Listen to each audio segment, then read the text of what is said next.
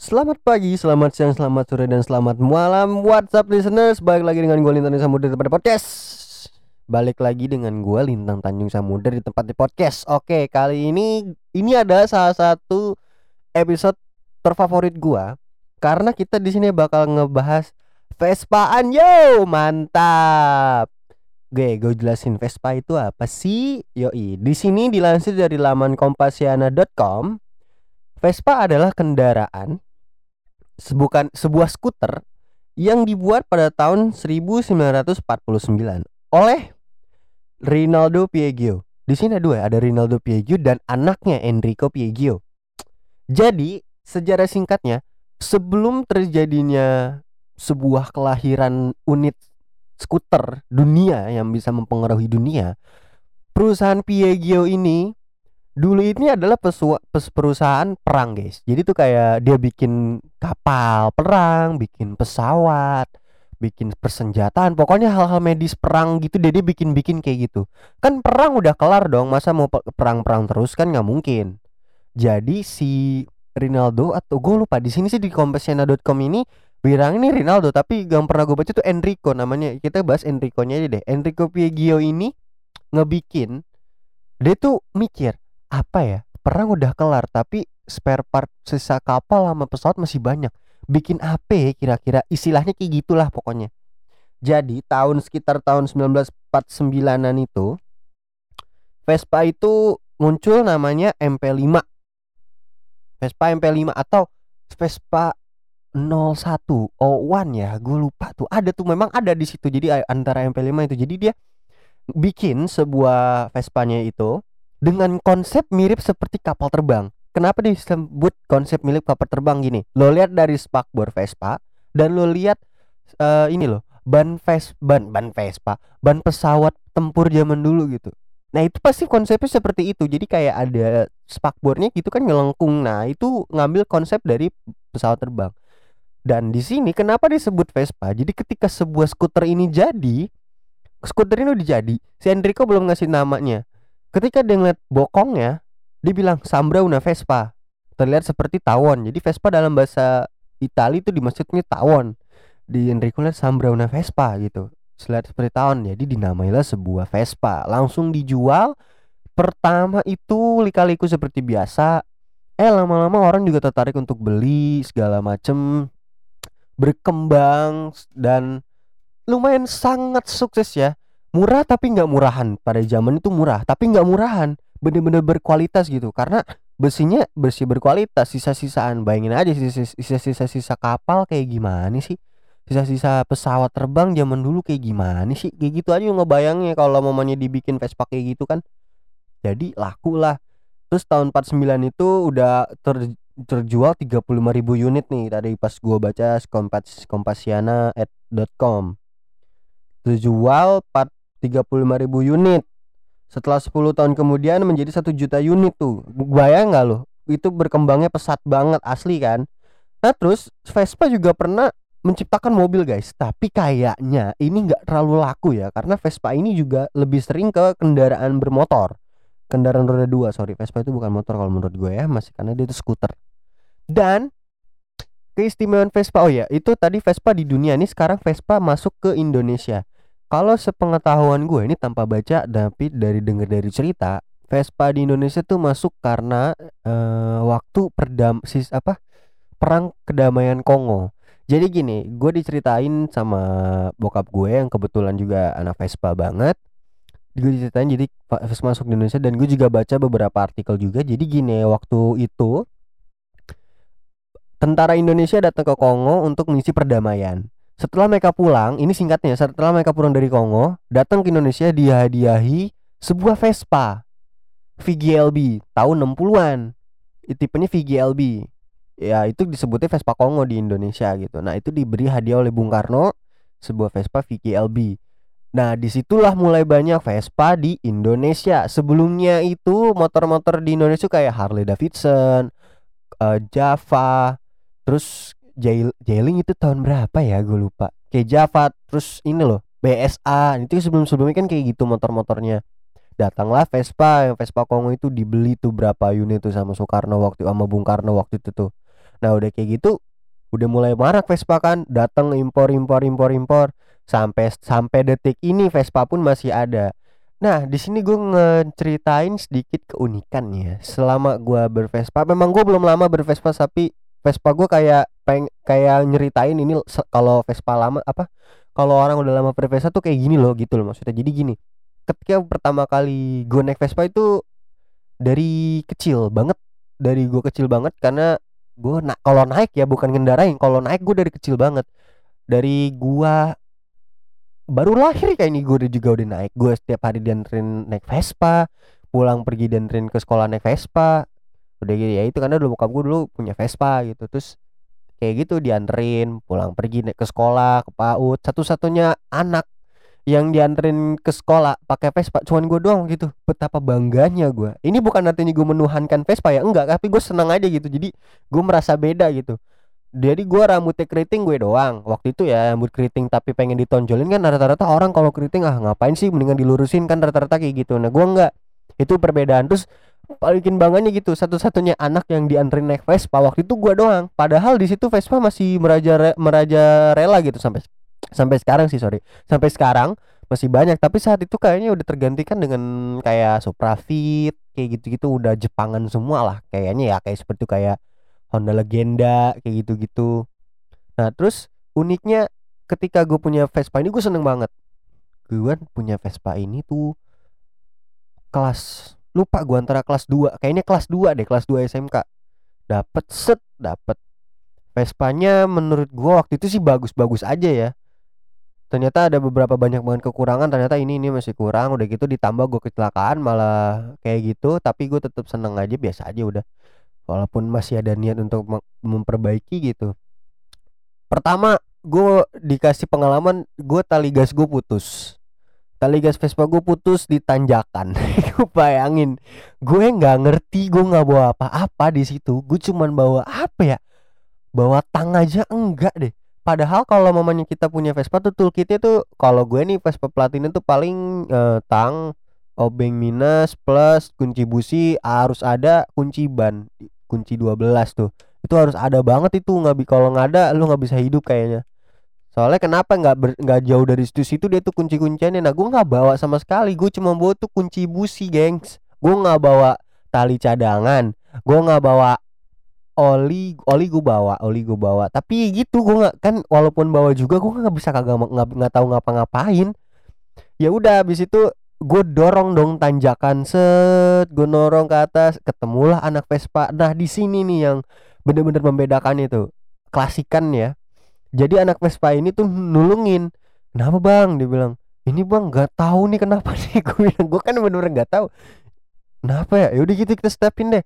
Jadi ada istilahnya Indonesia itu satu Vespa sejuta saudara Yang di mana kalau momennya satu Vespa kesulitan Biasanya ada banyak Vespa lain yang bakal menolong gitu loh. Bukan ada nyusahin dia tapi kan biar sama-sama jalan bareng Itu sih sebenarnya intinya. Dan nambah temen juga. Nambah temen dan nambah keluarga. Nah setelah kayak gitu Distutin Eh ketemu juga sebuah kelompok apa komunitas Vespa juga nolongin gue. Nolongin gue di situ. Kenapa bang? Gue nggak tahu ini kenapa asli deh tuh. Oh ini mah tali gasnya putus. Pas lihat oh iya ini ternyata putus segini ya oh terus gue ngeliatin tuh. Nah dari situ gue dapet pengalaman oh nih cara ganti tali gas tuh gini loh ternyata. Udah nih udah kelar semua ganti tali gas terus pas balik tali persnelang gue putus. Lu ngebayang gak sih? Udah tali gas putus tali persnelang putus aduh itu bener-bener pengalaman aduh udah bikin hati tabah banget napa? Aduh ya ampun kayak gigi amat gitu loh. Nah akhirnya gue di uh, di stepin sama bokap nyampe sebuah bengkel gue salah beli dong harusnya gue beli tali persneling ini malah beli tali kopling. Jadi tali kopling dan persneling tuh beda. Kalau kopling tuh rada tebel dan pentulnya itu tuh lebih gede kalau yang persneling uh, sama-sama tebel tapi pentulnya tuh lebih kecil supaya dia masuk ke dalam itunya tuh. Opera-operannya apa sih gue namanya? Gue nggak tahu tuh. Ada tuh selahannya tuh kayak buat nyantelin gitulah pokoknya. Itu biar biar bisa masuk. Jadi ketika pertama kali gue beli itu gede banget dan gak bisa masuk jadinya. Ketika nggak bisa masuk gue kebingungan disangkain wah ini gue ditipu nih gue ditipu nih sama orang sih sama orangnya nggak taunya gue aja yang bego. Gue nggak tahu. Perbedaannya memang bukan gak tau memang kita belum tahu kan. Gue juga masih belajar kan saat itu.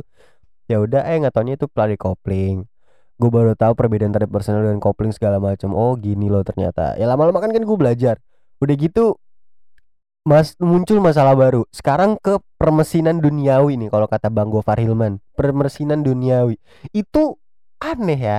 Gua ser pertama kali punya Vespa biasanya nggak hanya Vespa doang sih. Jadi orang-orang yang baru punya barang pasti selalu ngeliatin barangnya terus aja. Gimana caranya enak itulah pokoknya. Nah gue ngutak ngatik terus segala macem sempat diomel-omelin juga.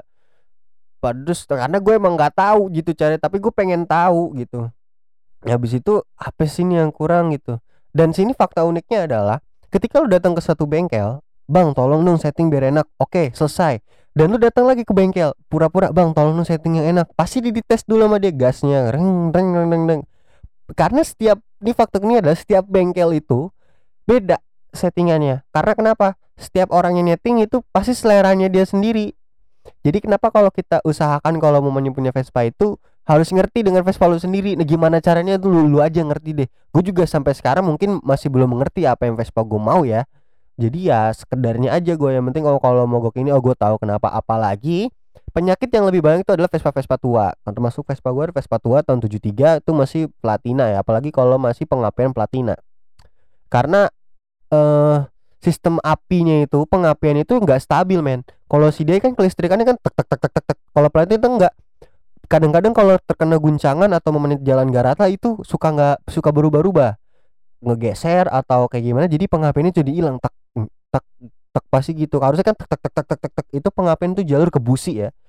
Abis itu ya gue belajar gitu platina. Sebelum gue punya Vespa gue beli lihat YouTube dulu. Itu da saran dari bokap gue tuh lihat YouTube dulu Vespa tuh kayak gimana. Dan ternyata dan gue baru tahu gue baru nyadar kalau sebelum gue beli Vespa itu juga gue tuh takut takutin sebenarnya. Nanti kamu gini loh nanti kamu gini loh gini loh. Terus ada temen gue pengen beli Vespa ya sama gue takut takutin juga. Dan gue tahu nih orang males nih sebenarnya tapi ternyata dia punya kekeh enggak gue bisa kok. Tapi walaupun pilihannya CDI gitu nggak apa-apa gitu. Eh, karena CDI itu nggak terlalu banyak. Nggak terlalu banyak problem nggak terlalu banyak trouble-nya. Jadi uh, bisa dipakai aman jalan dan untuk lu semua yang masih pengen. Tapi jangan sampai gue paling sebel tuh sama yang pengen punya Vespa tapi aduh ribet nih. Tapi pengen banget ribet nih ribet nih gitu tuh gue paling sebel banget kenapa? Kalau lu udah punya itu ya udah gitu. Kalau apa pun ya udah itu. Gue emang awalnya juga sempat ngeluh gitu kan. Ngapain lagi nih? Kayaknya Vespa kayak rumput tetangga lebih hijau aja gitu. Kayak Vespa orang enak-enak aja nggak pakai ini nggak pakai ini. Tapi gen Vespa gue kenapa gini ya? Gue selalu punya perasaan kayak gitu. Tapi ya mungkin gue nggak gue tetap aja sih gue masih pemula banget gitu. Nggak cukup dua tahun gue make gitu. Mesti lebih dari dua tahun. Ya lumayan banyak sih hal yang gue dapat dari yang gue nggak ketika gue udah dapet feel untuk mengubah tekanan angin di karburator gue udah nggak mau karena udah dapet nih gue nggak mau ngeteng lagi ya udah cukup udah. Kalau memang perlu ya perlu gitu aja.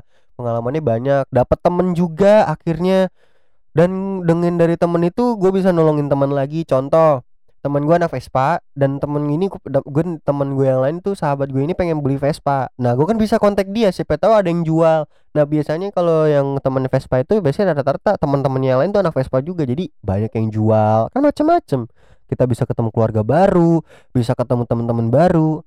Jadi inilah lebih bikin lebih banyak temen itu biar nggak dunia nggak selebar kolor doang gitu. Itu keunikannya di Vespa di Indonesia ya. Terus untuk fakta berikutnya adalah menurut dunia negara yang masih welcome dengan keberadaan Vespa itu hanya Indonesia sih katanya ya. Katanya selain Italia sendiri. Di Indonesia ini katanya persaudaraan Vespa tuh masih banyak dan Vespa juga masih banyak dipakai. Gak hanya Vespa doang, tapi motor-motor kuno atau motor-motor klasik lain juga masih dipakai. Jadi menurut gue juga itu kerennya adalah Kayak itu Indonesia tuh kerennya karena masih boleh pakai kendaraan klasik di jalan, ma pajak masih bisa diperpanjang walaupun banyak ini ya apa pajak-pajak yang mati gitu. Oh iya, terus sama satu lagi nih gue mau ngasih saran bagi lo yang pengen punya Vespa. Ini dari sepengalaman orang yang baru 2 tahun naik Vespa ya. Jangan hanya gue doang gitu, cari lagi referensi lain. Jadi gini, bagi yang punya Vespa, lo jangan ini dulu deh, nggak usah terlalu wah banget gitu. Uh, ketika lu udah dapet barang ini dari gue nih ya nggak usah wah banget gitu. Biasa aja dulu terus jangan pernah menuah menuhankan Vespa mentuhankan Vespa tuh jangan. Biasa aja kita di jalan pakai Vespa boleh seneng tapi biasa aja nggak usah songong juga. Terus kalau ada sesama skuteris kita sapa kita tulungin. Kalau emang kita ada waktu kita tulungin. Minimal kita samperin aja dulu itu sih pengalaman yang pernah gue karena gue tuh orang itu bukan nolongin tapi ditolongin. Itu paling sering gue awal-awal. Paling sering gue ditolongin tuh. Terus saran berikutnya lagi sesuaiin budget jangan maksain. Jangan maksain pokoknya jangan pernah maksain tuh eh. Jangan pernah maksain kalau adanya katakanlah beli Vespa budgetnya cuma 10 juta ya udah beli yang 10 jutanya aja. Kalau ada 5 juta cari yang 5 bisa ditawar kan masih bisa nego kan kayak gitu-gitu jangan maksain ketika beli under deal atau spare part segala macam juga harus ini harus mikirin uang juga gitu nggak harus ini nih beli beli beli beli beli beli. Gue juga pengen banget gitu karena biar Vespa gue rapi ini beli ini beli langsung beli. Si semuanya baru gitu. Ternyata itu nggak semudah itu.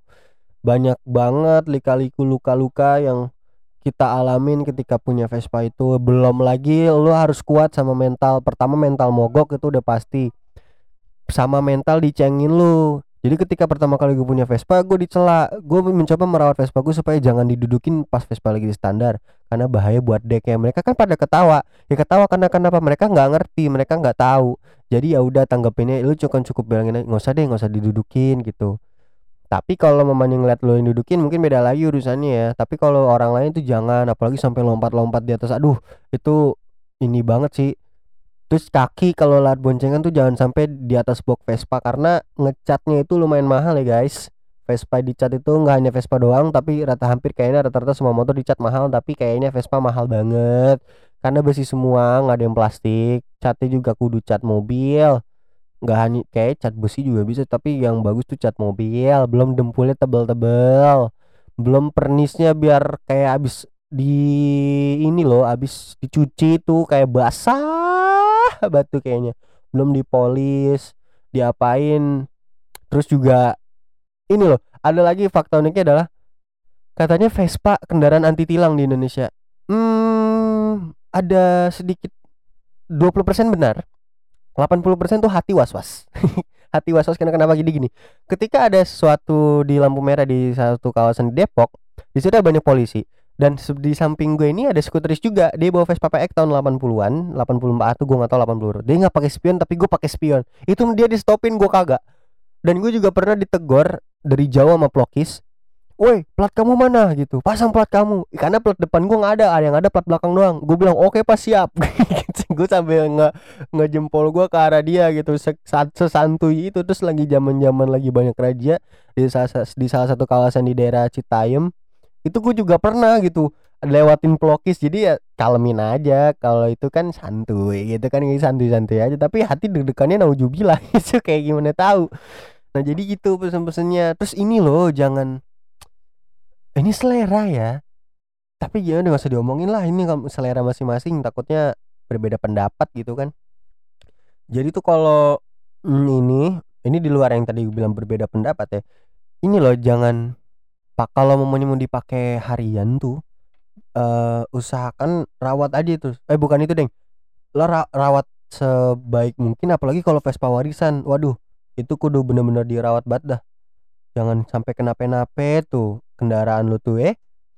Nah itu aja sih menurut gua kalau ini cerita tentang gua yang bertemakan kali ini adalah Vespa. Yuk bagi kalian yang mau mengiklankan, silahkan langsung kontak atau DM di @samudra14. Jangan lupa subscribe subscribe tempatnya cover lagu, dengerin lagu Imajinasi dalam Ilusi pas sandiwara pengangguran. Dan jangan lupa follow juga tempatnya podcast di Spotify dan menjadi pendengar setianya. Oke, okay, see you. Untuk sampai jumpa di episode berikutnya. Dadah.